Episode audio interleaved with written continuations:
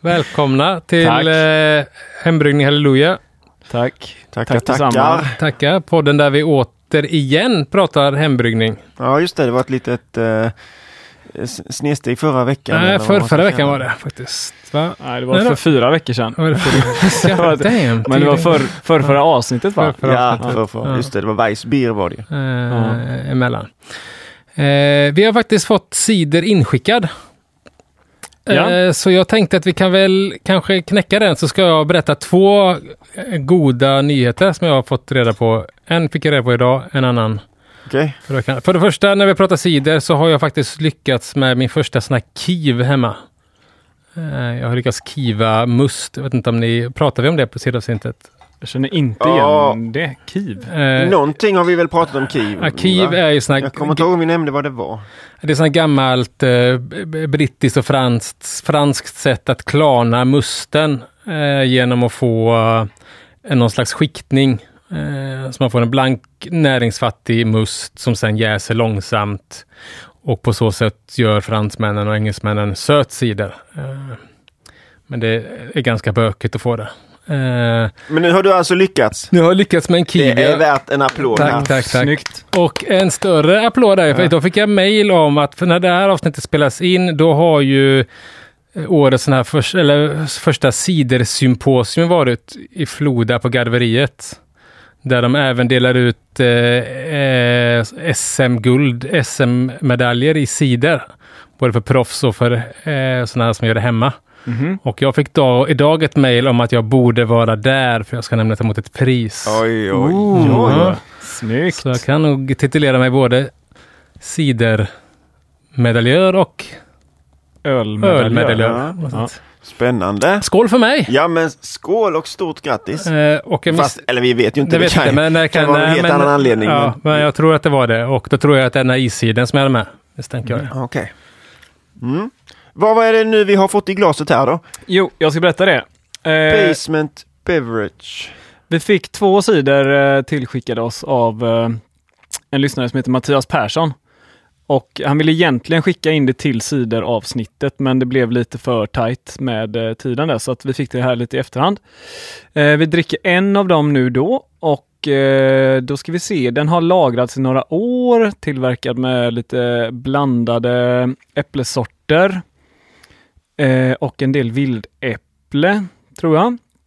Den har eh, stått och jäst i några månader och sen så har den flaskjäst. Den är jäst med Mangrove Jacks M02. Han skrev att den var nästan odrickbar på grund av väldigt hög syra i början men tycker att den med tiden blivit mycket bättre. Gissa på eh, malolaktisk jäsning. Eller malolaktisk konvertering, vad är det du kallar det? Ja, precis. Nu är det ju inte någon eh, markant syra. Absolut inte. Nej, det Det var är ganska, ganska, söt tycker jag. Ja, nej, men jag tyckte det var, var faktiskt rätt gott. Mm. Och, och det, nej, liksom, Faktiskt rätt gott. ja, men, ja, det är ju ingen... eh, Ingen medalj va? Ingen medalj på Cidersymposiumet eh, 2021. Ja. Nej, men jag tyckte det här var... Jag hade varit väldigt nöjd med det här. Den har lite, jag vet inte om det är lagringen eller så, här, men den har ju lite komplexitet tycker jag. Jag, kommer, Mm. jag, jag har väldigt eh, lite erfarenhet av hembryggd cider och hantverkscider. Eh, så jag tänker på dem vi drack då när du gick igenom cider. Just det. Då drack vi ju din vildjästa och så drack vi Simon som var gäst. Det Mm. var någon eh, torrgäst va? Ja. Och eh, den, den var ju, alltså min så här förenklade bild var att eh, din var lite plattare helt enkelt. Mer endimensionell. Ja, men den här tyckte jag hade lite, lite mer eh, bredd, lite mer Mm. djup i sig eventuellt. Lite så, alltså, och sen så känns det ju att den har, alltså långt den är lite sån här nästan äppelmosig, både doft och smak, som kanske kommer från oxideringen. Och någonstans även lite, lite fenolisk. Jag tror att Lite den har- rö- rökfenaler, Exakt, ja. Och så, ja. som, som inte alls är ovanligt när, det, när man liksom pratar annan, liksom Viljes fransk cider och sånt kan ju vara ganska Mm. Ibland så att det knappt går att dricka det tycker jag. Men här var det ändå, liksom gav den annan... Det är inte som att få stryk av ett askfat liksom, utan det... Den var ganska behaglig eh, Ja. smak. 2016 står det på flaskan. Det, det behövs så lång tid för cider att eh, mogna då liksom? Kanske, det- eller jag vet inte. Alltså, Eller behövs. Men den är, det är alltså en öl som var gjort 2016 hade jag med största sannolikhet tyckt att hade pikat för länge sedan. Ja. Men eh, den här Ja, verkar ja. ju stå upp. Ja, Ja, nej men bra, bra jobbat eh, Mattias. Ja. vi sparar hans eh, andra sidor till eh, kommande avsnitt eventuellt. Eller så dricker vi den någon paus någon gång. Ja. så vi har fått in rätt mycket. Det är ganska många som skickar in så att det är Ja. inte säkert att vi hinner eh, dricka alla i ett avsnitt. Kan man väl säga kanske. Om vi inte tar, någon gång tar ett uppsamlingshit och Ja. bara dricker. Det, men det, Det är svårt när det folk kommer ju vara skickar- roligare för oss än Ja. för lyssnarna. Lite. ja, jo men det är svårt när folk eh, skickar in stilar som kanske ska drickas färska och sådär. Ja. eh, Att vi Ja, sparar dem i fem år Ja. Mm. för att samla upp. Ja, nej men eh, hur som helst. Tack för eh, bidraget och eh, bra jobbat. Ja. Tack. Men eh, vad, om vi lägger nu s- s- mig och s- sidan åt sidan. Ja, Vad- dig lägger vi inte åt sidan Magnus. Nej men vad, eh, eh, vad händer idag? Vi ska väl prata gäst del två. Ja. Ska vi göra. Ja. Ja, jag, bara, jag hade en, eh, jag var precis på en, eh, en hembryggningsrelaterad grej på väg hit till inspelningen faktiskt. Mhm. Okej. I var Gö- Göteborg I alltså? Göteborg. Det var eh, Johnny Porter. Ja, ja, just det. Casual. Ja, Casual Brewing som nu har blivit eh, kommersiellt bryggeri då. Han släppte sin, eh, sin eh, det var premiär för hans Porter, Johnny Porter. Och Mm. eh, den har han ju, han vann ju bland annat Porter Stout-träffen med den, minns jag 2018 måste det ha varit. Okej. Så eh, det var ju kul att få eh, prova den i, i kommersiellt. Var den, var den god då? Var det bra? Ja, den var god. Ja. Väldigt god. eh, Den var, den var, den var på kask var den nu. Ja. Så den var, den var, den, utseendemässigt kanske den inte fick full pott. För den var, hade nog behövt klarna lite till. Ja. Men eh, smakmässigt eh, bra. Jag har ingen aning vad ni pratar om. Nej, det är väl en gammal... En, Robert Röks heter han. Ja, precis ja. Som Okej. äv- även har gått bryggteknisk utbildning på Ludvika och gjort praktik. Eh, bland annat när jag jobbade på Vega gjorde han praktik där en sväng och varit runt lite. Som nu brygger framförallt brittisk öl med det här casual brewing då. Eh, verkar som. Bitter har han bryggt förut och nu en porter. Vad spännande. Och sen har han ställt upp då i Porter Stout-träffen och Lite andra sammanhang. Kul för honom. kul för honom. Ja. Ja, det var det. Men eh, tycker ni att vi ska kasta oss eh, in i gästen eller? Ja, Veckans gäst. Det skämtet är väl Nej, lite för ja, gammalt. ja det är ett eh, klipp. klipp in det skämtet i alla avsnitt. Ja. Absolut, kan jag göra. Ja, nej, ja, det var jag. Det var här ni hörde det först. Ja. Mm. Tack, tack. Eh, ska vi göra en recap? Förra gästavsnittet, vad snackade vi om då? Lite gästens historia och vi pratade lite om att man hade selekterat fram Ja, vad gäst gäst som är för någonting. Ja, Lite gästtyper. ja, Ja. precis. Och lite sånt. Idag ska vi fokusera helt och hållet på eh, själva jäsningsprocessen. Mm. Eh, en väldigt viktig del i att vara bra bryg- bryggare är ju att kunna förstå och kunna styra jäsningen. Ganska många har väl en hy- hyfsad koll på, på vad det är som händer, men eh, det skadar kanske inte att få lite, ännu ett snäpp bättre förståelse för varför man gör vissa grejer. Absolut inte. Yes. Eh, Gäst. Ja. Det skojar jag också. Ja, det var. Ja, det är kul. ja. Kul kille. Mm. Yes, jäsningsprocessen. Eh, vi kan dela upp den i tre faser. Som eh, de sker, eh, de sker inte helt och hållet efter varandra så att säga, start slut. De sker delvis parallellt. Men eh, vi kan inte prata om någonting parallellt så vi, vi pratar om dem utifrån tre olika faser. Eh, uppstartsfas är den första. Man kan ibland, vissa säger ibland vilofas innan den här första fasen. Det vill säga när den är i förpackningen så att säga. Eh, då är den i en vilofas. En vilofas. Ja, men eh, då har man inte kommit riktigt fram till jäsnings... Eh, processen än. Så att eh, vi skippar den. Mm. De tre faserna vi ska prata om är uppstartsfas, eh, tillväxtfas eller jäsningsfas kallas den också. Och sen den sista stationära fasen. Låter ju lite som en börspodd. Eller någon sån här starta företags podd. Ja, det, när du säger det så, Ja, ja. eh, så kanske det är En så. ny startup. Mm. Ja, nej, fortsätt. Ja, ja. Jag har tänkt på det lite mer som att man har en eh, bebis ungefär. Eh, vi kan återkomma till det. Utan vilofas.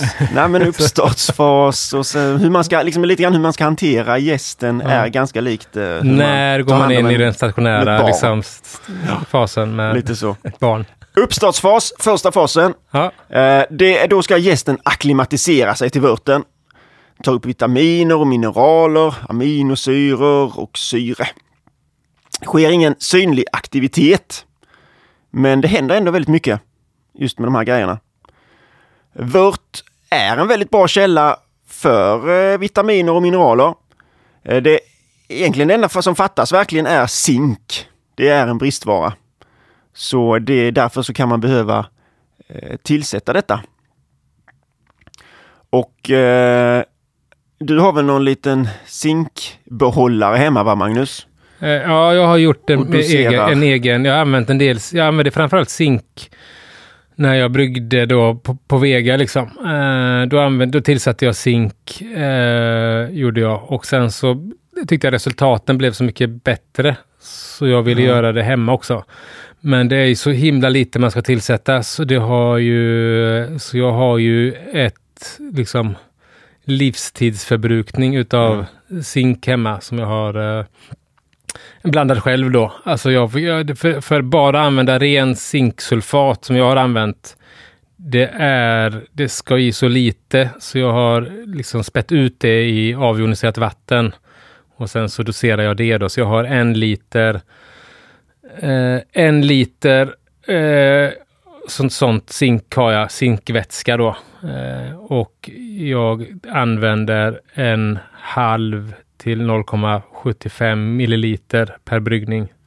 Okej, då har du till en 2000 bryggningar där ungefär. Det känns lite som eh, homeopati Ja, ja. eh, som du håller på med Ja, där. så här kollodialt silver och eh, Men om man, om man någon gång inte har... en miljon gånger. Ska man komma hem till dig och låna? man Lite kan komma hem till En mig och låna. Liksom. Mm. Jag tar ju hög kostnad. Ja. Men vill Alla man, som är Patreons kan höra av sig och komma hem. så kan ni få zink. Med en ni kan, få, Ja. ni kan Ja. få zink utan mig Ja. om ni vill ha. Perfekt. Ja. Eh, nej, så zink kan behöva tillföras och en sak till måste tillföras. Syre. Det är viktigt. Det. Det Mm. är viktigt. Men då gästnäring som man slänger i, det är zink eh, som är det viktiga där. Framförallt ja. Men det, man ska ju dock tillägga att det är inte all gästnäring som innehåller zink. Det är ju ganska eh, eh, få, skulle jag vilja säga. Det finns ju vissa, det vet, typ Cervomyces är väl en sån som används. Den är ju typ död torrgäst som man har sprayat med zinksulfat i vätskeform. Det är väl en av de få som jag vet om som har zink. Annars det vanliga från Wajis har inget zink i sig. Så det är helt meningslöst att använda? Eh, alltså man kan väl säga att det finns liksom lite olika anledningar till att använda gästnäring. Men, men, men i de, den flesta den tror jag som folk använder mest, det vill säga Y-gist, innehåller ingen zink. Mm. Nej, Gör den inte det? Alltså? nej. Fan vad konstigt. Den innehåller B-vitamin tror jag och sånt där. Det andra grejer som kan vara bra för gästen. Men det är framförallt viktigt att använda sån eh, gästnäring när man brygger med hög andel eh, alltså råfrukt, Råfrukt, majs ja. och ris och sånt där kan det vara, Okej. kan det vara bra. Men, men även för att verkligen, du vet, curla gästen, ta hand om gästen. Skadar inte att ha i den kanske? Nej, förstörde jag hela ditt poddavsnitt här nu Eh, Simon? nej, du förstörde mina, min, eh, min gästnäring där började jag fundera. Ja, Fastän jag var nästan helt säker på att det stod zink på den. Men eh, ja, skit i det. Ja. Det var en helt annan grej. Eh, det var, vi skulle egentligen kanske prata mer om eh, syre faktiskt. Ja. Ja, meningen var att zink skulle vara en Syra eller Kort. syre? Nej, syre. rätt mängd syre. Det är faktiskt lika, det är lika viktigt som att de har eh, rätt mängd jäst. Okej, ja. Mm, Du kollar på oss som att eh, måste, vi måste låta det sjunka in lite. exakt. Eh, brist på syre det kan skapa väldigt många olika eh, jäsningsrelaterade problem. Avstannad jäsning, långa jästider, dålig utjäsning liksom och stressad jäst generellt som kan ge olika felsmaker. Eh, man får också en sämre jäst, så att säga. Det är mindre jäst eh, viabiliteten, alltså att hur mycket jäst som överlever hela processen så att eh, man får en sämre gäst när man är färdig då. Om man ska återanvända gästen så är det eh, viktigt. Eh, generellt kan man säga att eh, för en normal vört så eh, behöver man ungefär 8 till 10 ppm syre. Och hur mycket har vi i luften? 18 procent eller? Ja. Ja. Just det. Ja. Exakt, men något sånt. Men det... Ja, nej men kör, kör vidare Simon. Ja, jag vet inte om det spelar någon roll. Men eh, har man mer, mer gäst så behöver man också mer syre. Om man gör till exempel en, en hög öl med, med högt OG och har mycket gäst så eh, behöver man också tillsätta mer syre. Om man med vilja vill underpitcha öl, vi snackade om Weissbier i förra avsnittet. Ska man med vilja ha mindre syre då? Spontant säga nej till det. Utan, ja, utan det är, eh, syremängden för mig är väl mer alltså OG-relaterad än vad den är gästmängdsrelaterad egentligen. Okej. Okay. Mm. Men det, det, kanske går lite hand i hand egentligen. Mm. Men, men, spontant säger jag att, att jag Så, baserar min... Sockermängden, fast det är inte sockermängd. Sockret behöver ju inte... Det är ju gästen som behöver syret. Eh, ja... Bara att har du ett högre OG så har du väl mer gäst också? Antagligen. Ja, precis. Ja. Så antagligen är det väl det. Du kanske behöver lite mindre när du, när du underpitchar. Mm. Men... Uh, better safe than sorry kanske? Ja, ja. Förlåt Simon att uh, vi bara avbryter dig hela tiden. Ja, men det är sånt här med ja. gäst känns som också det är jävligt spännande ämne och alla har sina olika liksom, rutiner och tillvägagångssätt ja. hur man gör det bäst. Vissa gräver ner en, ett lammfoster i husknuten och sånt där. Mm. Nej, nu pratar jag om sådana här biodynamiska vinodlare som sysslar med sånt. Gäst, biodynamiska gästodlare. Ja. ja. Varför, behöver man, varför behöver gästen syre då? Jo, den behöver det för att eh, tillverka steroler och omättade fettsyror. Eh, och de är väldigt viktiga för eh, cellens membran. Att eh, man, när man bygger upp membranen i cellen och även styr eh, permeabiliteten, alltså genomträng, hur mycket det släpper igenom de här eh, membranen. Om det är för lite steroler så kan det göra att man får svaga membran då och eh, då kommer de läcka ut jäsningsbiprodukter och prestera sämre, framförallt under slutet av jäsningen.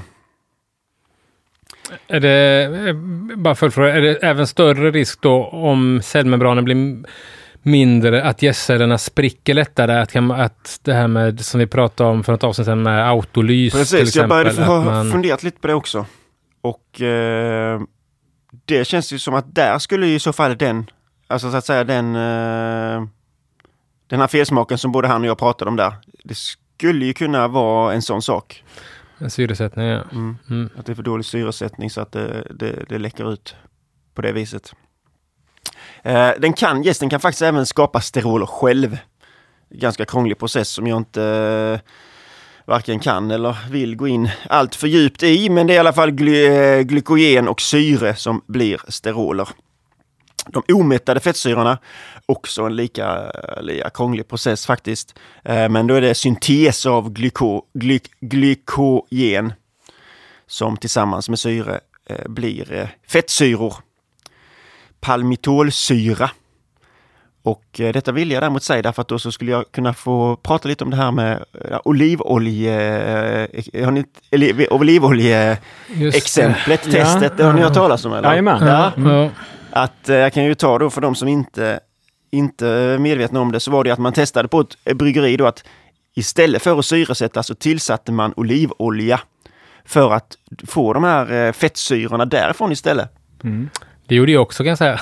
ja, gjorde du efter det? ja, ja, ja. Äh, enligt det här resultatet så fick man ett helt och alltså man fick ett ganska bra resultat. Man fick inte lika mycket som eh, vid syresättning, men eh, påtagligt mer väl som jag fattade än eh, utan.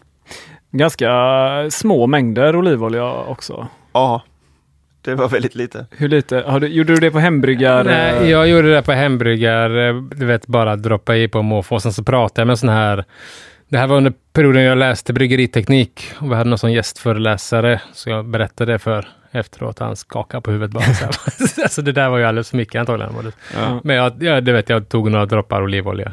Mm. Och sen så tog jag lite till, för det gör man ju med olivolja. Man tar ja, just det. ja, det kunde nog varit min, mindre än en droppe, tror jag. Ja, nej, för mig var det väl lite som att det var som en sån caprese-sallad. Man öser på. Ja. Så lite vinäger också. När ja, ja, men det här var ju återigen tio, över tio år sedan. Ja. Du har ingen uh, aning om det? Nej, men det var ju också i den här kombinationen du har någonstans läst att hur mycket jag än skakar hinken, eh, då mm. syresätter jag genom skaka, så kommer jag aldrig komma upp i de nivåerna som behövs, utan jag behöver någonting extra. Och då tänkte jag när jag läste eller hörde om det här med olivoljan, är ju att aha, mm. eh, nu slipper jag, nu slipper jag skaka, eller nu ja. kan jag skaka, nu kan jag ändå komma upp, eller eh, liksom få tillräckligt mycket hjälp med olivoljan istället då. Mm. Eh, var min tanke. Andra saker som eh, också innehåller mycket av de här fettsyrorna var, mest av allt var det duva. Duva? Man, duva. Okej. Okay. Och det låter lite konstigt, men nummer på plats nummer två, ål. Det är så fan. Ja. Okay. Ja. Så... Uh... Men den är fridlyst. Men det är inte duvan. Jag tänker på de här som har sån här brunnsål. Jag tänkte exakt på det också. Det kanske är liksom eh, perfekt mängd ål i det vattnet. Ja, ja. Bryggvattnet.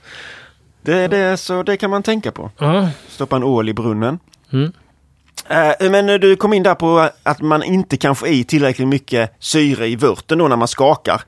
Uh, när man plaskar, om mm. man bara låter det rinna rätt ner i hinken så att det liksom ja, plaskar och skummar på lite så. Mm. Då får man ungefär 4 ppm syre.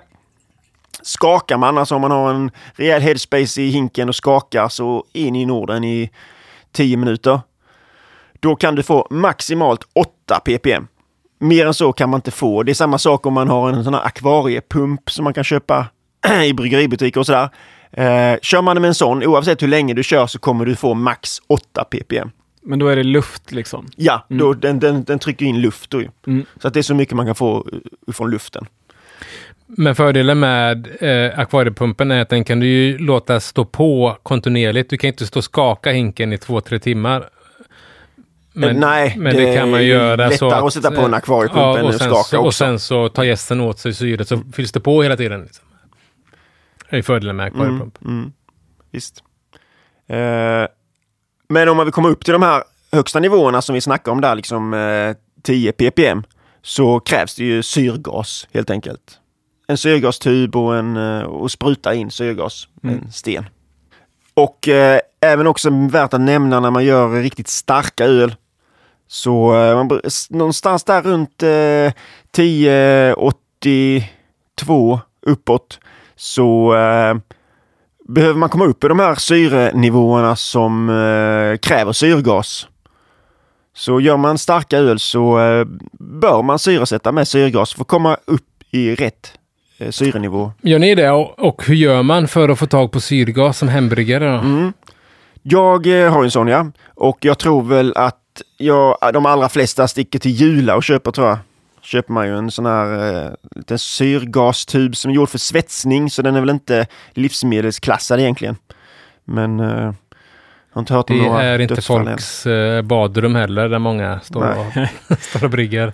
och inte mitt kök heller antagligen. Och sen får man beställa någon reservdelsregulator ja. till någon svets ja, där. Det så, finns... Nu såg att ölbryggningen ja. hade, ju, hade ju den, en sån regulator också. Som passar till den engångstub. Mm. Ja, precis. Och sen en sten. Man kan ju ha en liten eh, flödesmätare också på om man vill. Det har inte jag. Det har jag. Mm. Jag har en flödesmätare men jag har den inte på.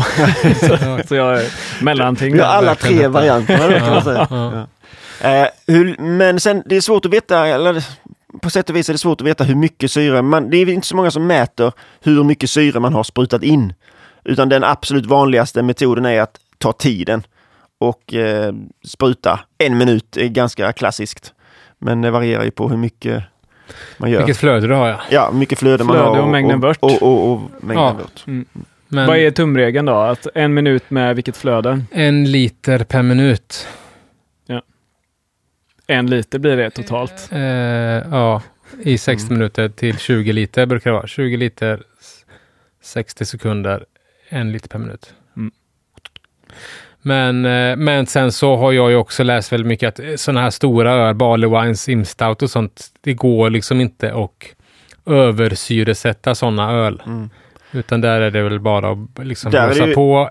Och även tycker jag, det vet jag vi gjorde mycket när, eh, på Vega var ju att syresätta två gånger. Ja, precis. Både- Efter en 12 till 18 timmar. Ja, ex- efteråt så syresätter vi igen. Det måste finnas något, någon gräns eller när det blir mättat med syre i en vört. Men samtidigt så sker ju liksom, det, alltså det kommer säkert Simon in på sen, men jag tänker ju ändå att det sker ju, alltså aktiv jäsning är ju återigen det bästa antioxidationsmedel som finns.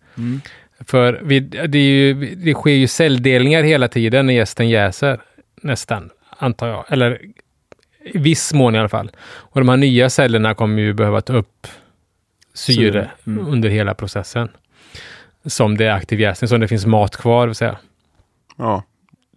Cellerna tar inte upp syre kanske. Men de behöver det för steroler däremot. Ja. Så, mm, jag tänkte, jag hade någonting på tungan när jag skulle säga där om, eh, jo just det, det där med att syresätta en andra gång. Mm. Så får man inte vara för snabb med det. Eh, Utan eh, den måste, det måste ha skett en celldelning innan. Minst en celldelning. Okej. Innan, om det ska vara någon eh, poäng i det. Hur Så- fort går en celldelning då? Det beror väl antagligen på temperatur och så vidare, men, Ja. men finns det någon sån eh, ungefärlig... Nej, 12 till 18 timmar är det som rekommenderas i, Okej, ja. i litteraturen. Mm. Så, att säga. så eh, något sånt då. Hur är det när man har gjort en ordentlig starter liksom som har stått på eh, magnetomrörare? Där kommer det väl in ganska mycket syre i? Ja, men det Ja. kommer ändå inte in mer än 8 ppm i och med att det är luft som kommer in. Okej. Så det är, eh, trots att man har gjort eh, en väldigt bra starter så måste Och man den- ändå... Eh, Du måste inte syresätta lika mycket, det kan vi absolut säga. att Har man en gäst som är liksom i... Eh, i gästens tillstånd påverkar ju också vikten av syresättningen. Eh, Har du liksom en, eh, en, en riktigt eh, pigg gäst med starka cellmembran och höga sterolreserver, då är syresättning inte lika viktigt. nej, för det är väl det man säger om, om torrgäst också? Eller? Exakt, Ja. exakt. Att den har väldigt eh, höga sterol. Ja, eh, lager då. just det. Så det är inte lika viktigt, eller det kanske inte ens behövs, Mm. syresättning vid, med torrgäst. Om det tvistade lärde. Det gör Ja. de. Det gör Mm. de. Men det är bekvämt att eh, Bara köpa det argumentet i- att det inte behövs. Ja, Mm. exakt. Men du nämnde översyre, att översyresätta, eller du, snarare att man inte kunde det med, eh, Med jävligt väldigt stora öl liksom. Ja. Men vad om du har ett, om du över eh, syresätter ett öl som har ett liksom, ganska normalt OG, vad kan du förvänta dig? Det vet jag faktiskt inte. Men jag, det har liksom inte varit eh, för mig har det väl inte varit någon direkt oro, utan jag ser ju åt, med, som med vissa andra grejer, det här med pratat med gästmängd och sånt när man tillsätter, att jag är mer orolig för undersyresättning än översyresättning. För jag vet att gästen är ganska snabb på att ta hand om syret.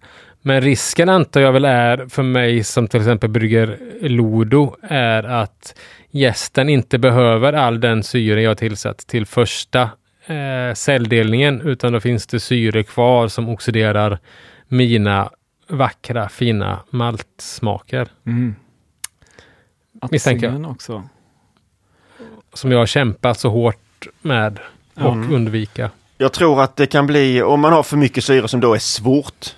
Det är inte det man ska vara rädd för, att ha, att man har för mycket syre. Men eh, högre alkohol tror jag är en sån sak som eh, kan härledas till för mycket syre. Okej, Ja. för mycket syre. Ja. Hur är det med lager kontra ale? Behöver man tänka annorlunda där någonting?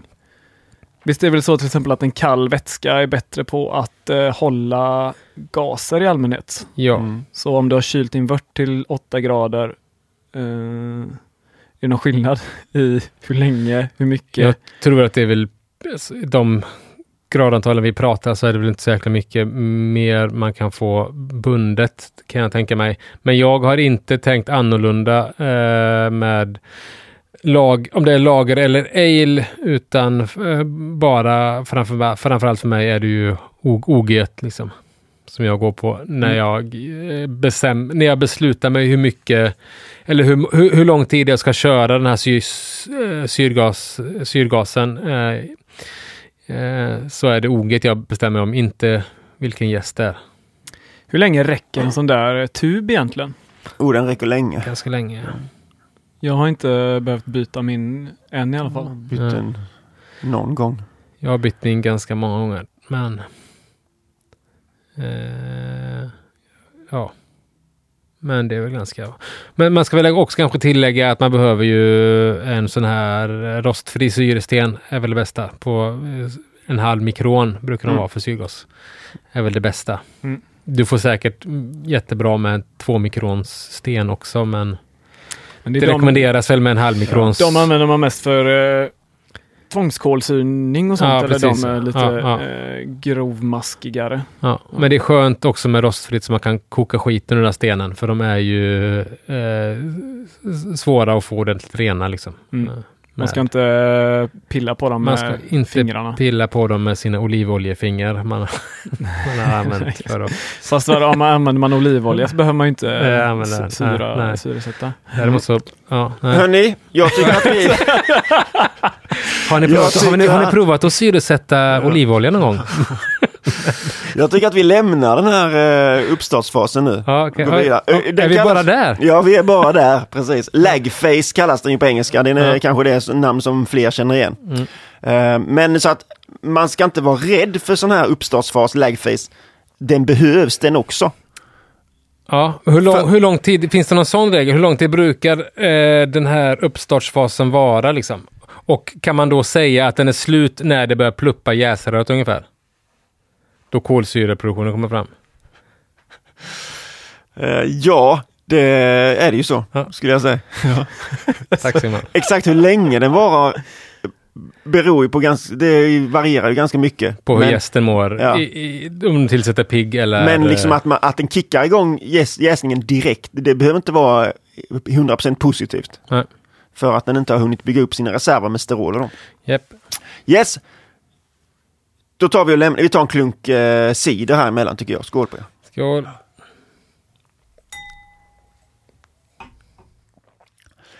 Så går vi vidare till tillväxtfasen eller jäsningsfasen.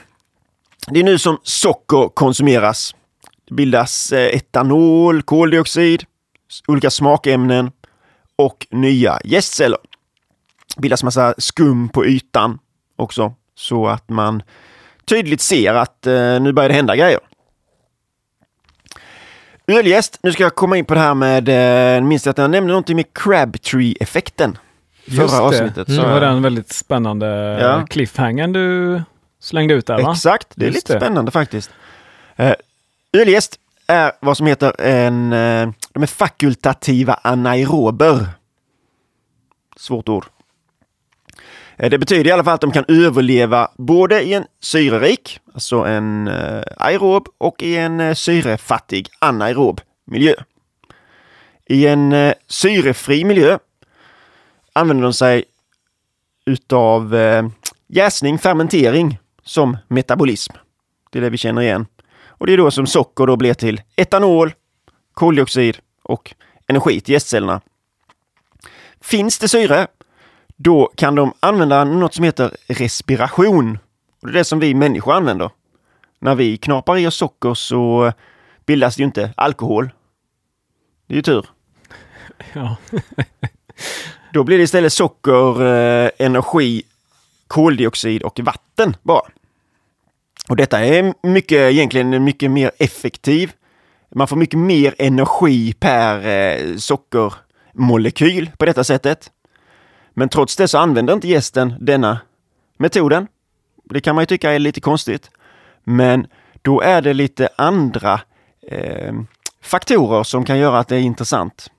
Eh, det, handlar, det handlar om då när det finns så pass hög sockernivå så att eh, gästen behöver inte vara så effektiv. Utan den kan liksom lite slarvigt använda sig utav eh, fermentering istället. Och då så eh, är det lite så här evolutionära anledningar till varför den gör det här, tror man. Och det är att andra mikroorganismer trivs inte i den miljön när det skapar massa alkohol. Då så håller man massa andra, annan konkurrens helt enkelt borta. Sen så tror man också, för man är inte, som jag fattat det, helt hundra procent säker på allt det här, utan man har inte kunnat fråga gästen så att säga. Utan man har fått anta lite. Och eh, då tänker man också att det gör, eh, den kan använda den här alkoholen senare, i ett senare skede. Kan gästen börja med hjälp av syre omvandla eh, etanolen till acetaldehyd och på så sätt eh, eh få, eh, få energi utav detta. Och eh, sen så eh, kan det också vara att eh, det är faktiskt en lite mer tidseffektiv. Det går lite snabbare att utvinna energin med eh, respiration. Det eh, var Crabtree-effekten. Så det var därför så att säga som eh, gästen jäser. Okej. Okay. Lite biowarfare. Ja, men det kan absolut. Precis. För att den är fakultativt anaerobisk. Ja, mm. att den kan köra bägge delar. Fan, det var det jag misstänkte hela tiden att det var det. Ja, spännande. Ja, åter till det här med tillväxten av celler som vi eh, började prata lite grann om. Detta är en, eh, det är en exponentiell fas. Varje ny cell som har bildats, den bildar ju nya celler i sin tur. Så det blir, blir mer och mer och mer och mer eh, gästceller. Det går snabbare och snabbare den här ökningen. Eh, finns det en stor tillgång på syre så eh, kommer den lagra en del utav, av eh, Eh, de här sterolerna och fettsyrorna. Eh, lagras som reserver för framtida bruk. När en cell delar upp sig så delar liksom modercellen och dottercellen, de delar på de här sterolerna. Så att de späs ju hela tiden ut. Det blir ju mindre och mindre sådana här eh, reserver. Och när det till slut har spätts ut mycket, eller tillräckligt mycket eller för mycket eller vad vi ska säga, då avstannar eh, jäsningen. Det är det som, som, eh, som stoppar jäsningen. Och Det är alltså det som gör då till att man vill syresätta riktigt mycket eller ge en ordentlig syresättning, att man ska få så pass höga sterolreserver så att eh, hela men, jäsningen ska eh, genomföras. Men vänta, det, måste inte, det kan inte bara vara det, alltså att den här eh, fettreserven tar slut måste ju vara en orsak till att jäsningen avstannar. Du tänker på att socker... Eh, ja, ja det, socker kan vi ta, det, vad som tar slut först. Om tar sockret slut först, alternativt att man kommer upp i en sån hög alkoholhalt som gästen inte klarar av. Då ja. kan det fortfarande finnas en fettreserv kvar i gästen. Skulle jag vilja påstå. Det är ju socker, nu ska vi tänka här, vad sa du nu här igen? Att jag, ja, nej men jag skulle säga att den här, att fettreserven tar slut är en orsak till att jäsningen avstannar. Eller tar ja. slut. En annan är att om sockret tar ja. slut innan fettreserven, då är det det som tar slut på jäsningen. Ja, och det, en tredje det, sak. Då tar det ju så att säga inte slut i förtid. Kan, det var så jag menade. Okay, att ja. Då tar den ju slut när den ska ta slut. Okay, så att säga. Ja. Men det var ju ett mycket bra påpekande så att det blir rätt och riktigt. Magnus? Tack, tack, ja. tack, tack, men absolut. Tack. Vän av ordning som du kallar det ja, men så, Flashback. Ja, precis. Du ska följa den här äh, fakultativa gästtråden jag har på Flashback. ja. Eh, socker är ju naturligtvis det som den eh, eh knaprar i sig. Först börjar den med enkla sockerarter. Glukos. Ungefär 16 procent av en eh, normal vört består av glukos. Fruktos också. Också enklast, så enkelt, eh, enkel sockerart. Eh, det går snabbt. Det kan gästen snabbt använda. Det går snabbt in som energi in i cellen. Lite komplexare sockerarter, maltos till exempel, som är den stora mängden socker i en vört. Nästan 60 procent av sockret är maltos. Detta måste dock delas upp. Det är ett enzym som heter maltas som eh, delar upp mal maltosen till glukos. Så att den kan, eh, gästen kan tillgodogöra sig den. Och sen den allra svåraste typen av socker är maltotrios Det är till och med så svårt så att vissa, vissa gäster helt eh, skippar att eh, förjäsa dessa sockerarterna då. Och det är den förmågan att förjäsa maltotrios som i stor utsträckning styr eh, utjäsningsgraden på eh, gästen. Och de här eh, gästerna som man kan använda, eller vi har nog snackat om det kanske, men som hembryggare så går det kanske inte att få tag i. Men de som ska i princip göra alkoholfri öl, eh, de kan bara jäsa vad, de allra, allra enklaste sockerarterna, är det så? Det är väl ingen Saccharomyces till och med. Saccharomycodes tror jag den är. Ludwigi är väl mm. den stora. Eh, men, men de kan, de, är, de gillar inte eh, det man även kallar polysackarider, alltså de här mer komplexa sockerarterna. Som de kan inte ens jäsa maltos. Nej, precis. Nej. Så det är de allra, allra enklaste? Det är de allra enklaste, de här, eh, vad var det, 16 procent? Ja, glukos är ungefär 16 procent. Ja, så att, eh, precis. Det är väl ungefär där man brukar säga att de har en, ja, 15 procent i utjäsning ungefär mm, på dem. Mm. Men det här maltotreos eh, som var den lite mer eh, jobbiga för gästen. Är det, men det finns, en, det finns ännu mer alltså oförjäsbara sockerarter för, förutom det eller? Alltså de här olika dextriner och sånt, är det något annat eller är, maltot, är det det som är maltotrios? Uh, nej, det skulle jag inte säga. Dextriner är ju ännu längre sockerkedjor än maltotrios. Ja. Alltså, och det, men det kommer ju, det är väl inte heller, dextriner är ju inte, är ju, är ju ingenting som riktigt bildas under mäskningen. Utan det bildas väl framför allt under mältningen när du gör dina specialmalterna. Så det är väl mängden man har i där liksom. Okej, okay, så om du har en hög mäsktemp så är det mer att du gör en större andel maltotrios? Ja, precis. Okay. Ja. Och sen så ska man ju veta att, att, att, man kan ju använda det här till sin, till sin fördel också. Jag vet att jag pratade med någon när jag var hos och bryggde öl hos eh, Weijermann för några år sedan. Så när de jäste liksom, alk eh, liksom alkoholsvagare öl, då använder de den här eh, S 23 heter den va? Mm. Just för den anledningen att den inte kan, den kan inte jäsa maltotrios och då får du större kropp, vilket de ville önskade i sina lågalkoöl helt enkelt. För att okay. få lite mer smak och inte eller få en större kropp liksom helt enkelt. Mm. Uh, att man kan ju använda det. Den kunskapen kan man ju använda på det sättet också i sitt gästval. Liksom. Smart. Mm. Mm. Temperatur Temperatur är en viktig eh, fråga här i denna, i denna fasen. Eh, själva jäsningsprocessen skapar ju värme, som ni ju vet. Alldeles, alldeles, alldeles för hög värme kan rent av döda gäst, men eh, då får det ju gå väldans långt. Men den kan leda till felsmaker långt eh, tidigare än så. Och eh, det vill vi ju undvika. En av de viktigaste uppgifterna för en bryggare är egentligen att kontrollera temperaturen på jäsningen. Kan du hålla med mig om det? Ja, ja. det kan man absolut ja. Men också tror jag att, att folk har svårt att vet, relatera, vad då bilda värme liksom. Eh, det, så farligt kan det inte vara. Men jag har ju ett exempel där jag glömt att sätta på kylskåpet på termostatet och då såg jag ju att, att det var 17 grader i rummet och det var 24 grader i jäsinken.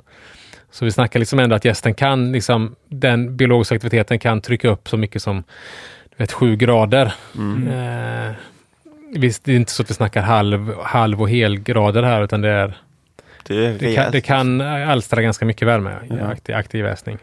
Men jag tror det här temperaturstyrd jäsning, det är väl den enskilt vanligaste grejen som hembryggare säger att det är, det är liksom det ja, steget de har tagit som har förbättrat eh, resultatet på sin färdiga öl mest. Absolut, mm. absolut. Det kan i alla fall jag skriva under på. Ja. ja, men det tror jag nog att det är för, för många, liksom. absolut. Man eh, behöver ju liksom tämja gästen kan man säga. Älgäst, den har som allra störst tillväxt vid 32 grader. Lager vid 27 grader. Okay. Men eh, låter man den gå vid de temperaturerna så går den ju fullständigt bananas. Och vad händer när de går bananas? Eh, då eh, producerar den ju olika estrar till exempel. Eh, den producerar ju diacetyl och eh, högre alkoholer. Mm. Skulle jag säga. Då har jag en fråga här som eh, dyker upp väldigt ofta tycker jag på diverse forum och sådär. Att eh, hur ska man resonera när man gör en förkultur? Till exempel till ett lageröl. Hur viktigt är det att man eh, gör förkulturen i den i tilltänkta pitchtemperaturen till exempel? Väldigt, väldigt, väldigt bra fråga. Nej, jag, jag har faktiskt funderat på det själv. Framförallt jag som brygger mycket lageröl har ju tänkt på den här frågan. Men jag eh, orkar inte bry mig om den frågan. Jag känner att jag bryr mig om så jäkla mycket andra grejer i min bryggning. Så jag orkar inte. Brukar du dekantera när du gör förkultur? Eh, det beror på hur, i, i, i, hur väl förberedd jag är. Uh, antingen så gör jag en ordentlig förkultur, ställer kylen och dekanterar. Uh, är jag dåligt förberedd så gör jag en mindre förkultur och uh, tillsätter allt. Hur stor är en mindre förkultur? Eh, då kan det ibland bara vara en halv liter liksom. Mm. Eh, som jag gör, en halv liter vört gör jag till förkulturen då. Bara för att få igång gästen liksom. Mm. Ja. Men det gör jag kanske inte när jag brygger lageröl. När jag brygger lageröl då ser jag till att ha en rejäl slurr liksom. Mm. Men när jag brygger säsong till exempel, då, då jag tycker att det kan kanske vara bra med underpitch, så kan jag göra så att jag bara gör en liten förkultur för att aktivera gästen. Mm. Men, men jag vet inte, jag, jag har ju läst, jag, jag såg att Gustav Lind eh, har ju gjort det där förkultiverat lagergäst eh, kallt. Men jag kan, jag måste, någon får nästan göra, gör, ork, någon, någon som orkar kan väl göra den här jäsa exakt samma vört exakt samma dag med en förkultur man har haft i kylen och en man har haft i rumstemp. Mm. Jag tror fan inte att jag skulle nog inte känna skillnad på det. Du får ju mer, alltså det blir större celltillväxt om du har en högre temperatur. Ja. Så eh, då har du ju en ganska stor fördel i det. Men kommer inte celltillväxten bli likadan? Det är bara det att det tar längre tid att nå dit. För jag menar, du har ju konstant syretillförsel, så, det, så aerosolerna, de fettsyrorna kommer ju inte ta slut. Mm. Utan det enda som kan ta slut på tillväxten är ju att det inte finns något socker kvar. Mm. Och jag vet att jag har Jag vet att jag läst att det blir mer celltillväxt. Men sen är frågan om det man då menar per tidsenhet eller om man menar totalt så att säga. Ja. Och det är sant. De där 32-27 graderna var i alla fall alldeles för varmt för att äh, jäsa ju öl med bra resultat. Vi har kommit på lite andra vi har kommit fram till andra temperaturer helt enkelt, vi bryggare, för äh, att få ölen att smaka så som vi äh, vill. Quake. Nej, skit i den nu. jag, jag, jag, jag satt... Jag visst, mention the core, core word. Jag visste att någon skulle nämna Quake. Men vi, vi skippar det denna gången. Ja. Vi kollar på normala, mer normala ölgäster. Eh, de allra flesta smakämnena bildas under den inledande, typ första 72 timmarna. Då som eh, är det allra viktigast att eh, styra temperaturen. Det ger som sagt var en högre temperatur. Det ger mer eh, liksom estrar och eh, högre alkoholer och, och eh, kan ge mer, mer eh, alkohol också faktiskt. Men ganska låg eh, nivå. Väldigt låg nivå.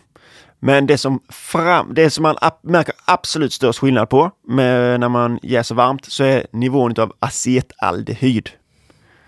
Okay. Och det har jag nämnt innan att om det är någon felsmak som liksom är hembryggt i lite negativ bemärkelse så är det ju just acetaldehyd. Och det eh, tyder väl på att det är ganska många hembryggare som slarvar med det här. Eller inte har möjligheten helt enkelt att, att styra temperaturen. Och sen så tror jag väldigt många också eh, hembryggare har lite en fäbless till att brygga de starkare ölstilen också. Framförallt impstout och dubbel-iper och eh, också där, där det är än mm. viktigare att hålla nere järnstemperaturen, liksom, mm. tycker jag. Att, att det är ju, ju starkare öl, ju viktigare att hålla nere eller ha en stabil jästtemperatur, kan jag tycka. Mm. Ja. Ja. eh, när den sen, sen efter ett tag då, så när den har jäst eh, ut sockret och eh, liksom, eller efter celldelningen börjar upphöra. När sockernivåerna börjat bli väldigt låg då så eh, istället för celldelning, producera nya celler, så bygger den upp energireserverna som eh, den behöver till eh, kommande batcher helt enkelt. Den går in i en slags hoarding-fas helt enkelt. Prepper. Ja, precis. Och den går över till den nästa fas som är den stationära fasen. Yes. Redo för den? Vi får ta en liten klunk eh, dricka där till va, tror jag. Ja.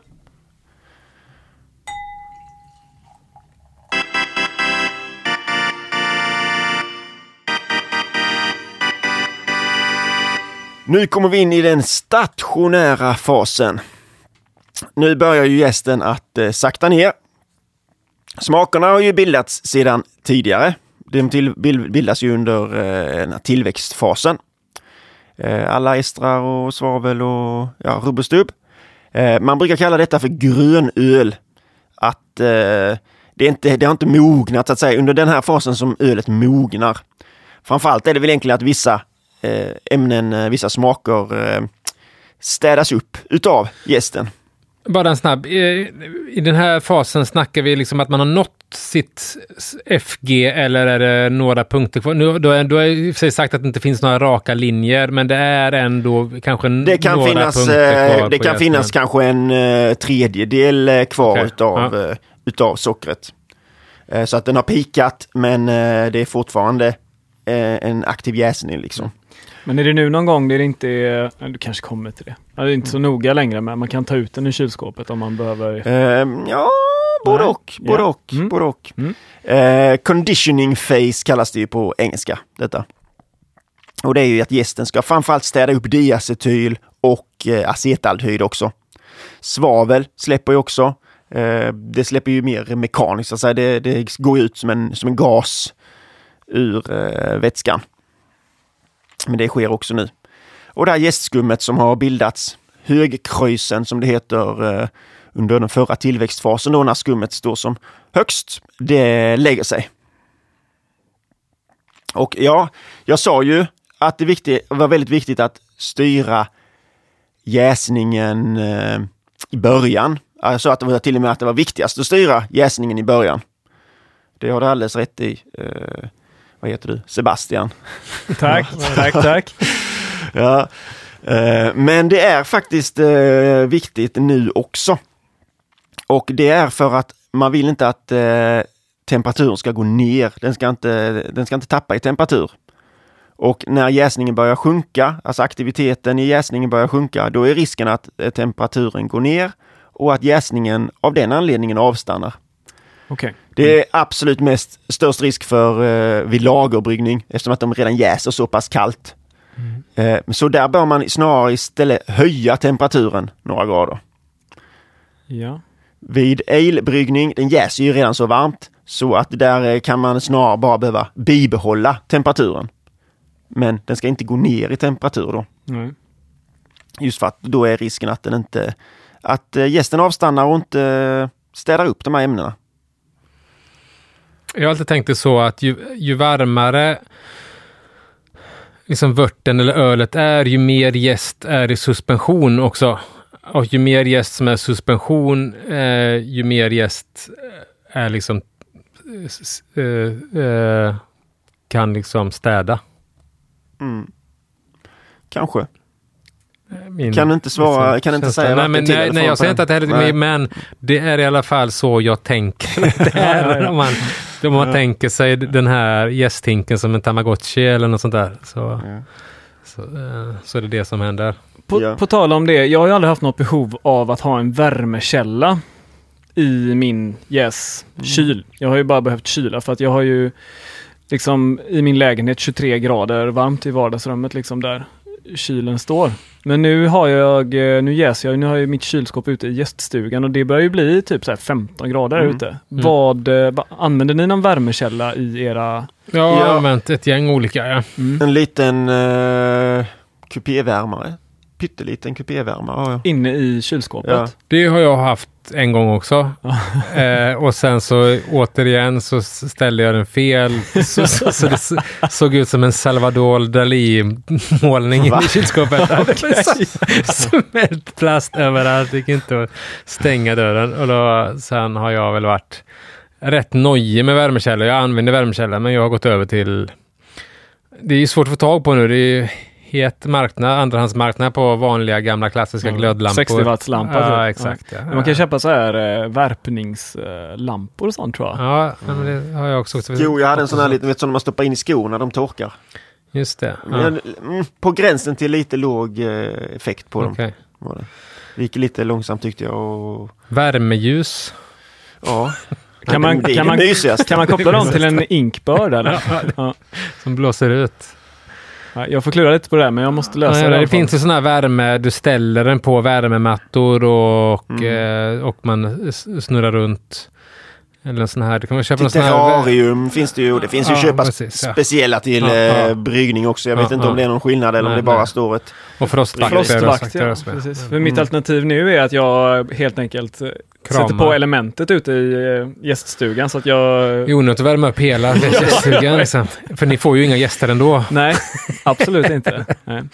Det, var, det får bara sommargäster, antar jag.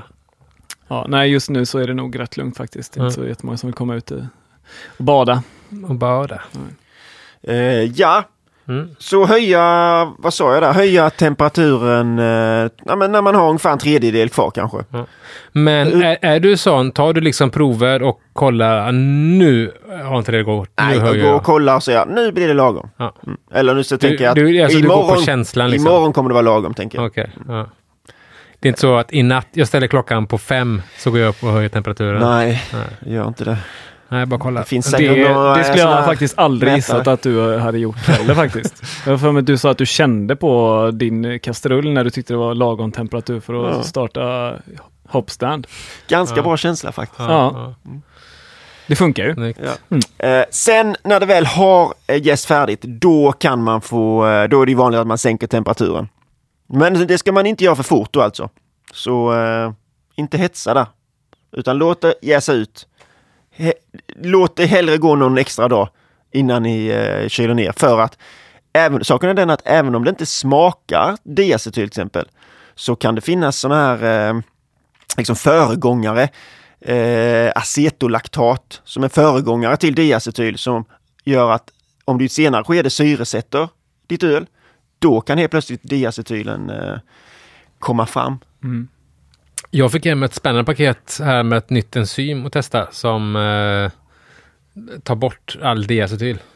Okej? Det kan jag ha till min golden kan hemma. du ha. Nej, men du kan eh, låna lite sånt. Ja. Eh, nej, eh, för att korta ner eh, och slippa det här steget med att gå upp i temp och göra det här Mm. så kallade diacetylraster och sånt. Det är ju någonting som är relevant för kommersiellt bryggeri. Då. Ja, det är precis ja. Det här är inget man får ta på som hembryggare. Men, men också eh, sägs det ju vara bra för dem för att undvika diacetyl vid hopcreep till exempel.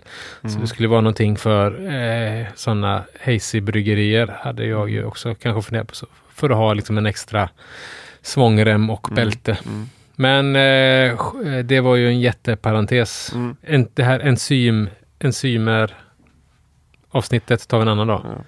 ja. Alla fuskingredienser. Mm, nej. Är, det, är det fusk om ölet blir bättre? Ja, ja, det är det ju. Nej. Fråga Reinhard Skobot.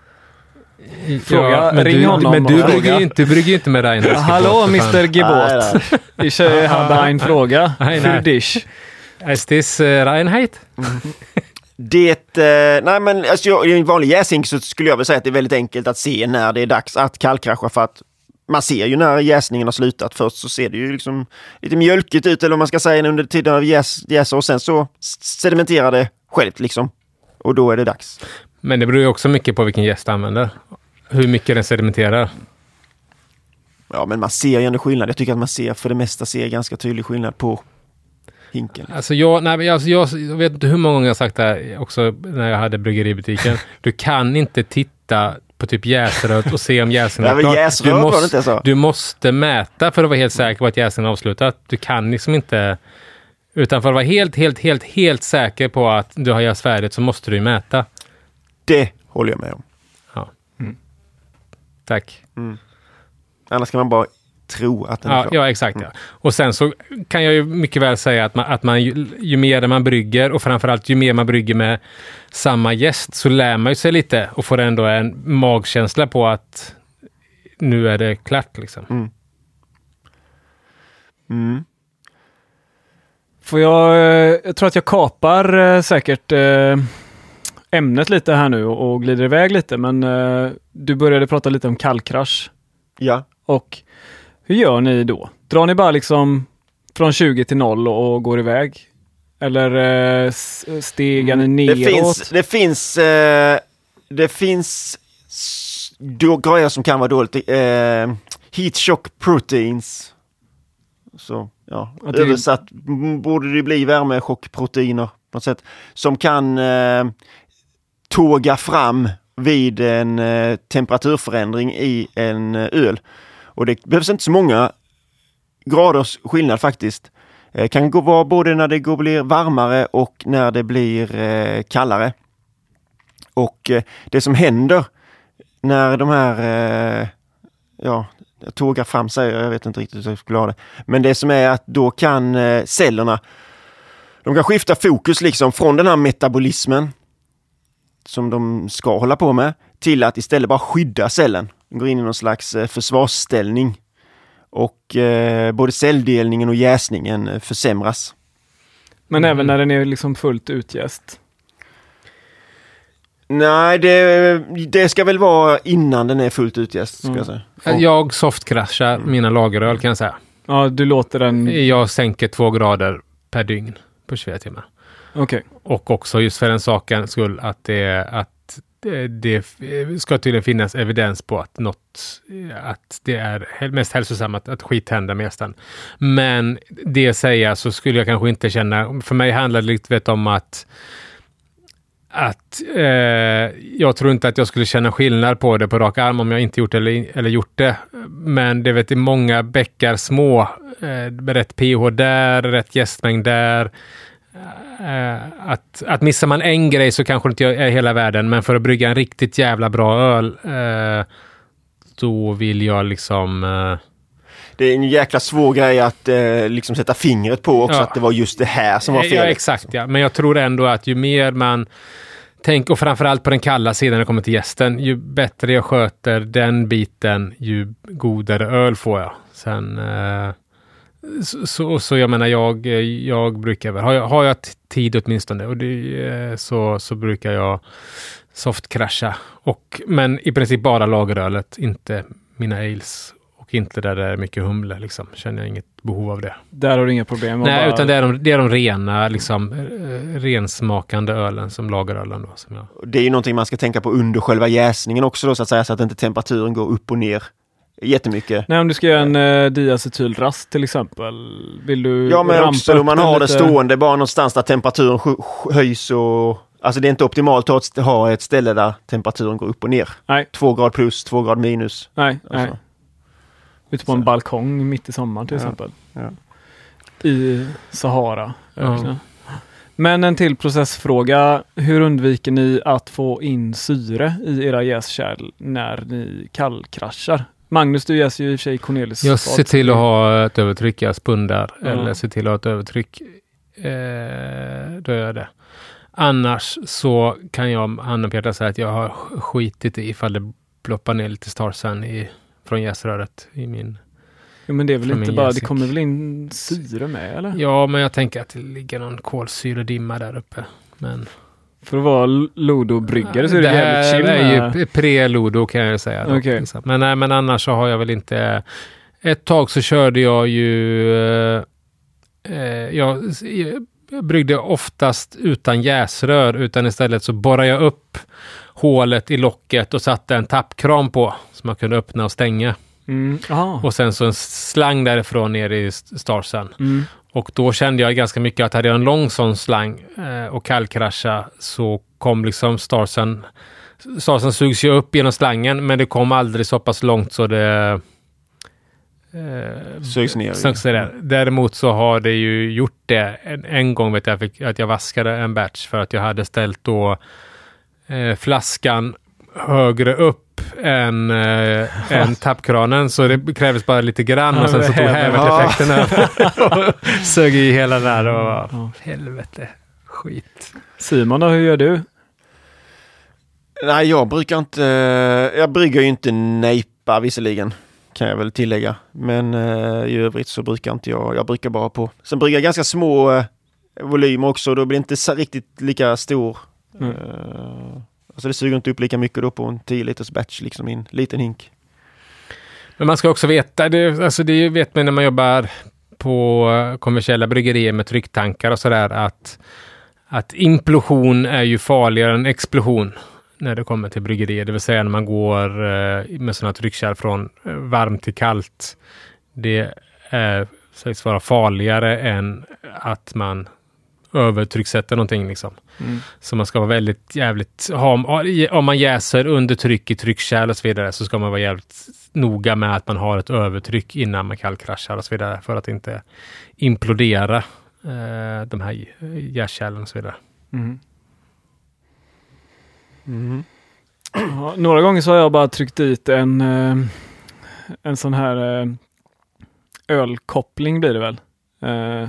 Eh, alltså jag kör också med sån blow-off tube då. Mm. Och innan jag kallkraschar så istället för att ha den liggandes i en flaska med starsan så trycker jag dit en eh, med nippel då, en sån eh, ölkoppling till Cornelius fat och sen så försöker jag göra så syrefri överföring.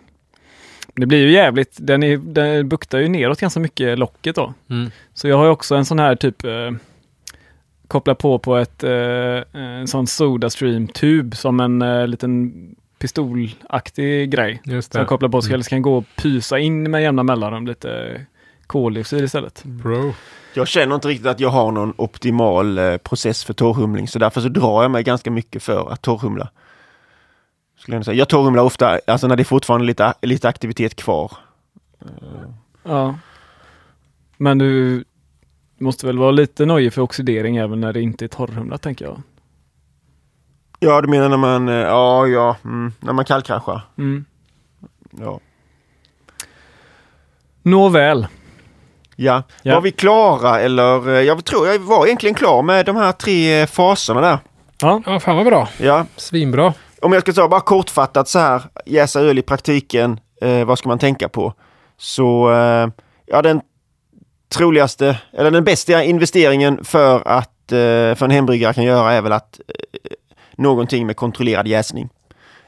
Kylskåp eller något sånt där fancy eh, eh, eh, glykolstyrt Mm. jäskärl liksom. Ja, vad vi inte har liksom pratat med som också är viktigt. Kylskåp, absolut viktigaste. Men sen är ju det här eh, torrjäst kontra flytande och förkultivering till exempel. Men det kanske kommer som ett eget avsnitt lite, alltså hur, hur praktiskt vi gör. Jag tänkte eh, faktiskt eh, precis det att förkultur får bli ett helt eget avsnitt tänkte ja, jag. Ja.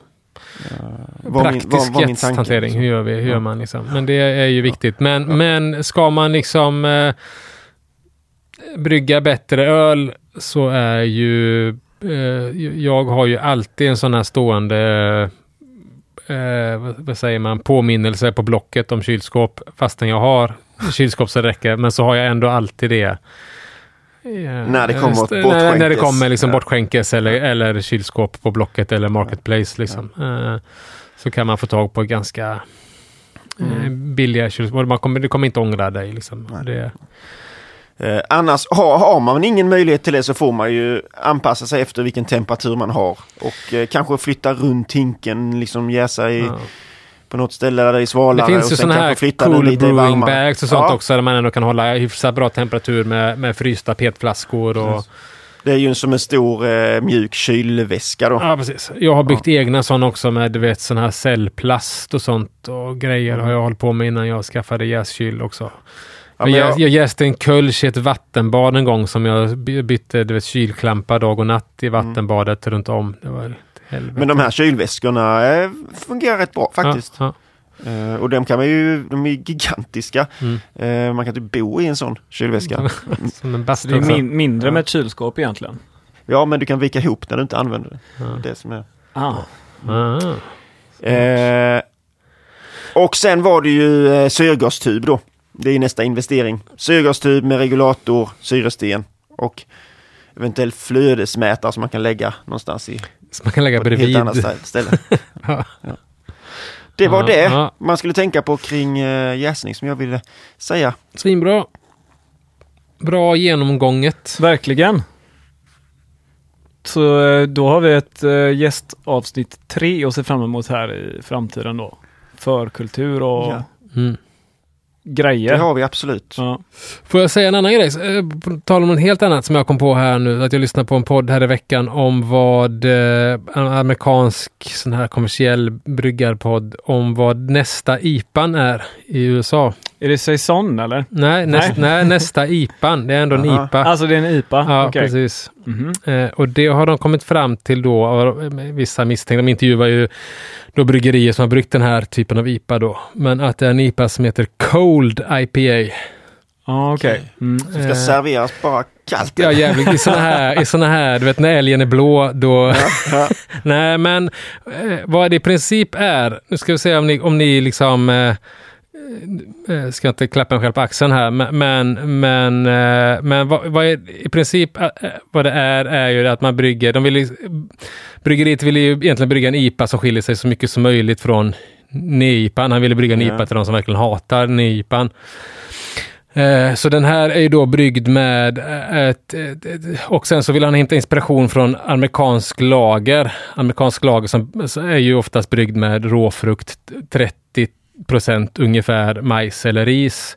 Och sen så späs den ju ut eh, efter, man gör ju high gravity brewing helt enkelt, sen späs den ut då. Mhm. Och han, de hade varit på sådana här eh, tours på typ Anheuser-Busch eller någonting sånt där och vet, fått pröva den här OG70-vörten, ö- ölet, och det är ju, var ju jättegott. Liksom mjukt och lent. Så i princip så är ju maltbasen det. Alltså man bygger en, bygger en IPA på 30 procent ris eller majs och gör en eh, cereal decoction på det om man har möjlighet till det. Och sen eh, humlar man den som en West Coast IPA och jäser med, eh, eh, med lagerjäst fast varmt då, 13 eller 13-16 grader. Mhm. Det kallas för, och sen så blir det alldeles spegelblankt då, filtrera eller centrifugera gör ju de här bryggerierna då, men att man får en blank. Och detta skulle jag då vilja säga att, att jag redan har bryggt. Rise and shine. Exakt, Ja. fast med kölschjäst i det fallet Ja, då. okej. Mhm. Men det var lite tanken med hela den grejen var ju att eh, min tanke var ju att brygga världens ljusaste IPA då, liksom, eller en jävligt ljus IPA. Mm. Eh, men ändå, vi får se ifall det slår. Det vet jag fan alltså. Men, India eh, Pale Lager eh, har ju inte riktigt slått. Nej, och det här skiljer sig då med att India Pale Lagen var ju nästan aldrig bryggd med majs och ris. Mm. Utan det är väl det som är en viktig grej då. Majs och ris. Eh, var det. Men India Pale Lagen lyfte aldrig Majs riktigt. och liksom. ris, inte majs eller ris. Jag tänker, tycker det är ganska stor skillnad på majs och ris. Ja, nej, men det sa du också. Alltså, de körde mycket ris till att börja med, men det var så jävla dyrt. I USA så var ju riset, visade sig vara dyrare per kilo än marisotter. Eh, Så de gick över till majs eh, för den sakens skull. Och också så fick de så jäkla dålig konvertering på riset. Så de fick liksom mäska i fyra timmar för att få konvertering helt enkelt. Och det var enklare med Gör de väl med Budweiser, jag för mig. Ja, det gör de säkert. Liksom. eh, Men, men, men, men om man gör infusionsmässning då och vill prova på att brygga en eh, Cold IPA Mm. Vara först i just Sverige med det. Ja. så vill man, så kanske man ska fundera Fräckt. på Fräckt! lite amylas eller någonting så här, Mm. eller mäska skit länge. Det var en artikel om det här i Craft Beer and Brewing för några nummer sedan, tror jag. Men då Mhm. var det inte så mycket just om att det skulle vara majs och ris och sånt i, utan det var det mer, jag tror att deras tes var mer att eh, ja, men det är det nya namnet på eh, India Pale Lager liksom. Okej. Ja, nej, men det, men det skiljer sig ändå, s- säger de här bryggarna ganska mycket då. För, men det, nu är det ju de som har uppfunnit det då, eh, eller har uppfunnit den här eh, nya stilen då. Men i vilket fall, vi får se ifall det kommer hit. Vem kommer vara först med bryggare? Mm. Så vidare, så vidare. Kom ihåg vad ni hörde, Cold IPA först. Ja, det var i Craft Beer and Brewing. eh, Ja. Ja, ja. Men eh, Yes. förresten, hade vi någon eh, gästrelaterad öl att testa till det här? Ja, vi eller hade har, har vi det. tid till det? ja, det är klart vi har det. Det kan vi Det väl det. ta va? Ja, Ska jag springa och hämta? Ja, jag gör det. jag sätter på den här uh, checka Bossa Du, Nova-vinjetten.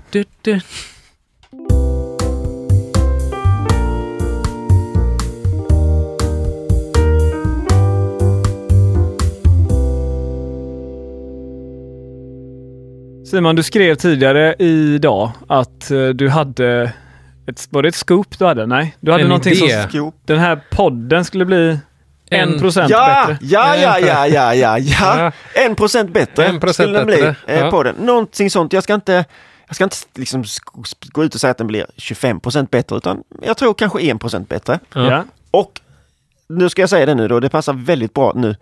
Det är nämligen att när vi provar öl, ibland, framförallt när vi provar några stycken öl, vi har varit ibland, ibland så här att vi provar fyra stycken av någonting. Då tar vi en bild på det och lägger ut på Instagram. Du vet efter första man ser liksom Weissbier och sen kan man swipa och då ser man de här ölen vi har druckit. Då kan man titta på ölen. Jävlar. Men det gör ju inte podden bättre. Det är ju vårt Instagramkonto. Nej, jo men det gör ju när man sitter och lyssnar. Då Okej. så sitter man där och lyssnar och så bara, "Ah, jag måste, jag måste kolla på Instagram här. Det blir tvådimensionellt så Ja, är kollar man så sant, ser man ölen vi dricker. Fattar ni? Kan vi inte också ha, när du har det här ljudet, då ska du byta bild på Instagram. Just det. Absolut. Ja, men det är svinbra. Ja. Eh, Då måste vi komma ihåg att ta foton då. Ja, det måste vi göra. Ja, Måste 15 utse en, stycken. eh, en fotoansvarig här. Och vad ska vi ha för, du hittar på något sånt där bra mellanljud när man ska byta bild. ja men det är väl... Ja, eh, men vi kan säga det att eh, det finns en bild som ni kan titta på. Skitbra. Men då, okej, då öppnar eh, Magnus... eh, Nu önskar jag, öppnar jag Crazy Cat. eh, Ja, jag, ska ta en bild. eh, Ja, jag kan ta en bild här nu då. Mm. eh, jag har ingen aning. Ja. Ta en bild på, då, då är det trevligt när de har skickat in med eh, etikett för vi får ta en bild på hans eh, sida där också. Då öppnar jag eh, Crazy Cat Lager. En lager med 5,6 procents riv från Norra Borgviks bryggeri. Ja. Och detta ölet är ett lageröl. Om jag inte kommer ihåg fel så skrev... Eh, Jag har ju lappen här så jag kan läsa ja, du du tar vill över. slippa... Jag tar över serveringen. Du tar ja, hand om... jag läser. Halleluja, hej på er! Tack för en grymt bra och intressant podd. Tack så mycket, Rickard Fält. Jag tackar honom där alltså. Han, Han tackar Han också. vi tackar sig honom. själv i sitt mail. Ja. Jag har bryggt till och från i cirka tre års tid, mestadels olika ale. Men en och annan lager har det också blivit. Oftast blir de rätt bra. Men det händer att det dyker upp lite smaker som jag inte vill ha. Ölen jag skickar till er nu är en varmjäst lager som jag bryggde i somras. När jag testade den första gången efter en vecka på flaska, inom parentes jag kolsyrejäser på flaska, så var den horribel. Men eftersom jag gjorde cirka 60-33 centiliters flaskor så lät jag den stå till sig. Nu tycker jag ändå att den är rätt okej. Men det finns någon smak som jag inte riktigt kan sätta fingret på. Detta är den första lager jag testat att jäsa med lagerjäst som pallar 20 grader. Så jag visste inte heller vad jag hade att förvänta mig. Kanske smakar den som den ska. Vill gärna veta vad som är fel och vad man kan ändra på. Och sen så har vi receptet där. Eh, Ska vi... eh, nej, jag vill testa kan, ölet ja, först. jag vill också testa lite först då. Jag vill gärna testa ölet Eh, först. Ljusgul öl. Lite disig är det. Det var, Ja. märks att det var en flaskhäst och du har kört som en biltjuv hit. Ja. Men eh, lite ändå angenäm Kellerbier eh, Kan man säga. känslan då. Ja. Doftar lite Kellerbier också tycker jag. Den doftar ju liksom inte som en krispig asren lager. Eh, utan doftar ju ändå lite, tycker jag, alltså fruktigt. Fruktigt eh, Nästan- doftar. Nästan att jag, om jag hade fått det här blint spontant, skulle jag nästan gissa på en belgisk blond nästan. Eh, Åt det hållet. Mm. eh, Håller med. Fick lite... Weissbier. Ja. Eh, Banan, ja, lite eh, banan toner heter fick jag. ja. Och lite typ så här smultron. ja. så en hel del Fantom. estra då. Och eh, Men, men och, och sen så ändå, det finns en viss, tycker jag, åtminstone liten, liten eh, touch av eh, alltså eldig spritighet eh, jag har bara doftat på den, men känner du dig i doften eller? i I, doften. Eh, tyckte jag att det var lite, att det doftade alkohol, liksom, värmande. Ja. Jo, på liksom ganska långt sent. Jag kan lite där grön, jag får en lite så här grön, eh, i så fall acetaldehyd eh, åt det hållet. Nu ska jag smaka. Jag vet inte hur jag ska förklara, var lite stickig i smaken tyckte jag. Mm, lite pudrig ja, Mm. också. Men där tycker jag ju att, den, att, att eh, den här eldigheten kom fram mer i smaken än i doften. Som jag... Jag kan köpa det. Jag hade nog inte riktigt eh, identifierat det själv, men eh, när jag letar efter det så kan jag kanske känna det. Jag hade fortfarande inte gissat att det var en lager Nej. alltså. Nej, inte jag heller. Nej. Nej. Och eh, Men samtidigt så är det ju inte... Det är ju en, det är en bra belgisk blond. Ja, men eh, så det skulle jag också säga. Att, jag skulle säga att, att det här är, är, alltså det smakar inte som en lager det här. Nej, nej. Eh, Det smakar som någon annan typ av öl. Ja. Och eh, det är väl eh, kanske inte så otroligt heller med en öl som jäst i 20 grader. Vad hade han för recept? Ja, 86% pilsnermalt, 14 Cara Claire. Eller talas Ja, Mhm. Vad är det? Caraclair. eh, är det någonting ifrån... Eh, är det inte belgisk malt ifrån de här... Eh, Chateau eller? ja, precis. Castle Malt. Castle Malt. Ja, Eh, kanske. vad det, min första tanke var att det var det. Cara Blond heter ju deras ljusaste, men... Googla. Googla Sebastian. Jag, Så klipper vi bort det här så att inte folk, så att folk inte tror att vi inte kan våra maltsorter. Caraclair Castle Malting, ja. Belgisk karamellmalt. Den, eh, deras ljusaste Okej. belgiska karamellmalt. EBC 9. Okej. Nio. Ja. Det är nästans... eh, Cara Blond näst- tror jag ligger på 20 eller Ja, men det är liksom Carapils eh, dextrinmalt Ja, det i var inte det princip. jag ville komma till också. Ja, ja. Mm. Ja, sen har han mäskat 66 grader 75 minuter, kokat 60 minuter. Inga konstigheter. Humle 49 gram sas vid 60 minuter, 14 gram sas vid 5 minuter. Inga större konstigheter heller. Gästen då, Mangrove Jacks M54. Är det den eh, California Common California Lager. California Lager? Ja. Men eh, ja, alltså ska kunna. Det, det där är ju en, vad menas med att den kan jäsa i 20 grader? ja. Jag menar det, det har ju, den har ju blivit gjort en öl som, som smakar gott. Men den har ju inte gjort någon lagerkaraktär. Nej, man ska nog inte vänta sig det all, när man jäser dem eh, så varmt. Utan jag brukar väl med det är samma med de här Kölsch och Altbiergästerna. Att man ändå ska hålla dem under 20 liksom. 16-17 grader tycker jag att de producerar bäst öl. Men, men eh, men då, och sen så är de ju inte, man ska säga inte gjorda, men jag menar California Lager eller Steam Beer är ju det är inte en ljus öl. Det är en ganska välhumlad eh, bärnstensfärgad öl. Mm. Jag Jag den här lä- jäser gästen. inte en Steam Beer så varmt heller. Nej, nej, inte jag heller. Det hade jag inte gjort. Jag hade ja, jag har hållit den vid 16, 17 tror jag. När jag, nu när jag vet att det är den gästen, för jag har ju använt den några gånger, så känner jag igen eh, den här Ester-profilen lite grann. Jag tycker att jag har det, kanske inte lika markant, men jag har gjort California Common med den gästen och så. Jag tycker den påminner lite grann om vad jag har fått också då. Då Okej. har inte jag varit stennöjd och jag har nog jäst 18 grader då kanske. Ja. Nej, men eh, ja. Och återigen det- kan vara bra att påpeka att, att det är inte bara liksom, eh, det är ju temperaturen i jäsinken då, Ja, inte i, han, skri- inte han skriver rummet, att han har liksom. jäst i, kontrollerat i kylskåp med Okej. styrning. Ja. STC 1000. Ja, ja. Så Ja, att alltså. eh, det är väl gjort så som det ska. Ja. Men och, och, allting är väl gjort så som det ska. Och resultatet blev väl ungefär som man kunde förvänta sig också. Mm. Egentligen. En eh, god öl, men en dålig lager. Ja. Vill han att den ska smaka mer som en lager får han eh, jäsa kallare. Ja, precis. Och kanske då även, skulle jag vilja säga, öka gästmängden lite. Det- Den är på eh, 5,6 skulle jag säga. 5,3 och sen så har han kolsyrejäst då. Då brukar det gå upp 0,3 Mm. till då så att 5,6. Det kände du bara på smaken sådär. Ja, och sen såg jag det i pappret också.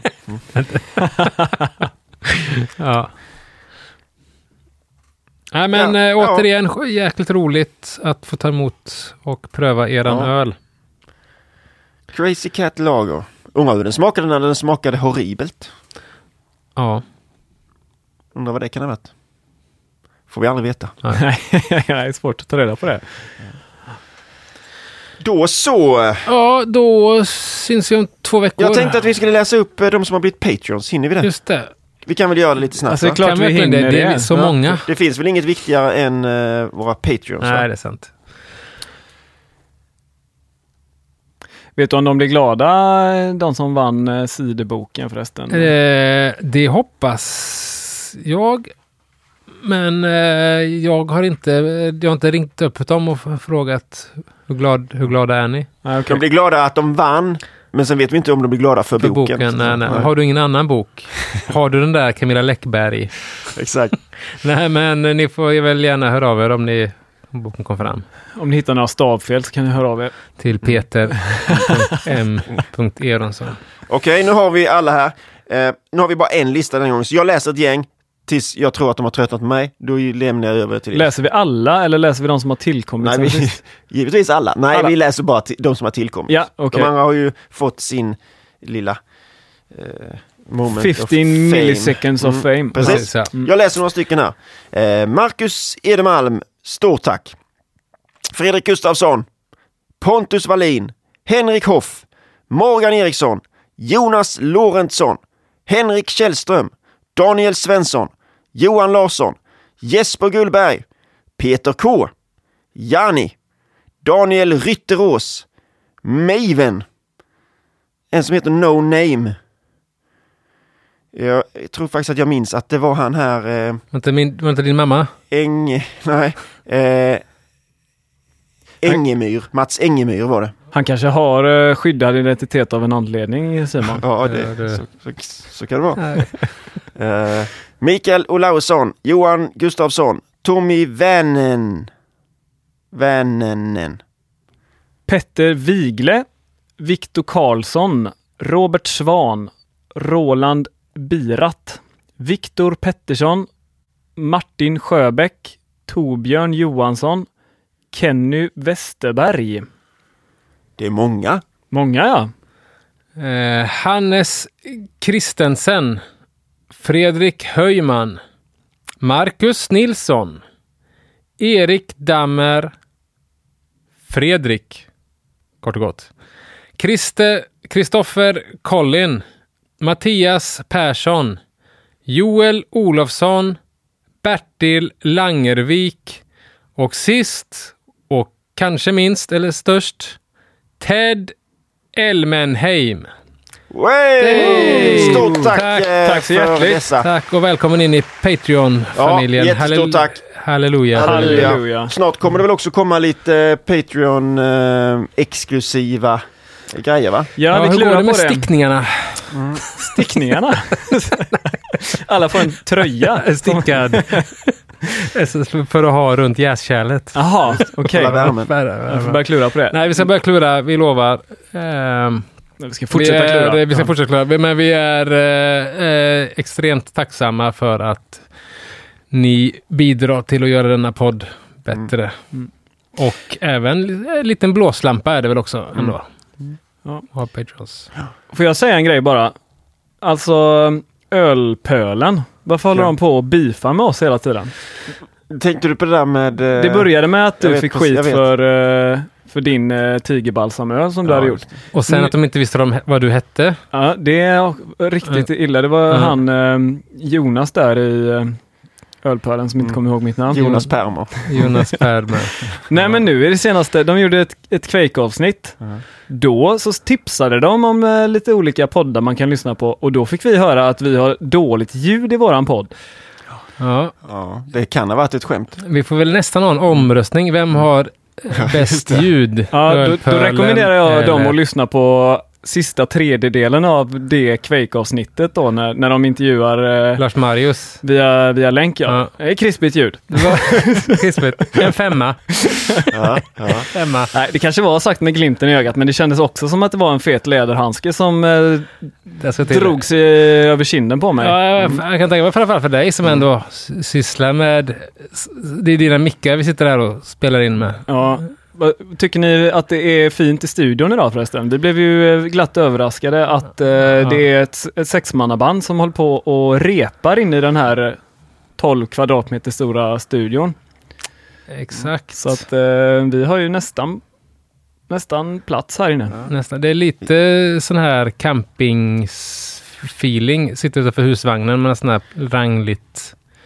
Vi- Jag hade velat, Bord. jag kan inte bjuda in dem någon gång, kunde de sitta med och göra lite sådana här drum, Mellan, lite ja. andra liveband i studion, vårt husband. Ja, det Ska vi ha det? Det är nästa. Har det Ölpölen haft det? Har Ölpölen Va? haft det? Ölpölen har inte haft det? Nej, det har inte. inte husband. nej, nej. Nej, men det löser vi. Ja. Svinbra. Nej, men gött. Eh, jo. Och eh, eh, lyssna på Ölpullen, det är en bra podd ja, annars. det är, det är en bra podd. Ja, det är det. det. Vad, eh, jag hörde inte någon av deras namn i bland alla patreons där. Nej.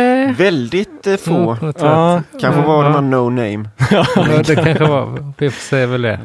Ja, nej, skitsamma. Jag tänkte bara säga att om två veckor så är det jag som väljer eh, ölstil. Just det. Och- Då blir det något gammalt va? Ja, då blir det något jävligt gammalt. Ja. Eh, det blir eh, Oudbruin. Heter det det? För det, när du säger det sådär så låter det som något från Sagan om ringen. Jag kan säga Oudbruin om du vill. Ja, men jag, det, det vill jag att vi pratar om. Hur fan säger man det? Vi, vi lämnar här och så tar vi upp tråden eh, där nästa Ja, gång. Vi ringer en flamländare och... Och hör, hör ja. oss för. Gött. Det säger så då. vi. tack för idag! Tack igen Simon för genomgången. Yes. Okej. Halleluja! Halleluja!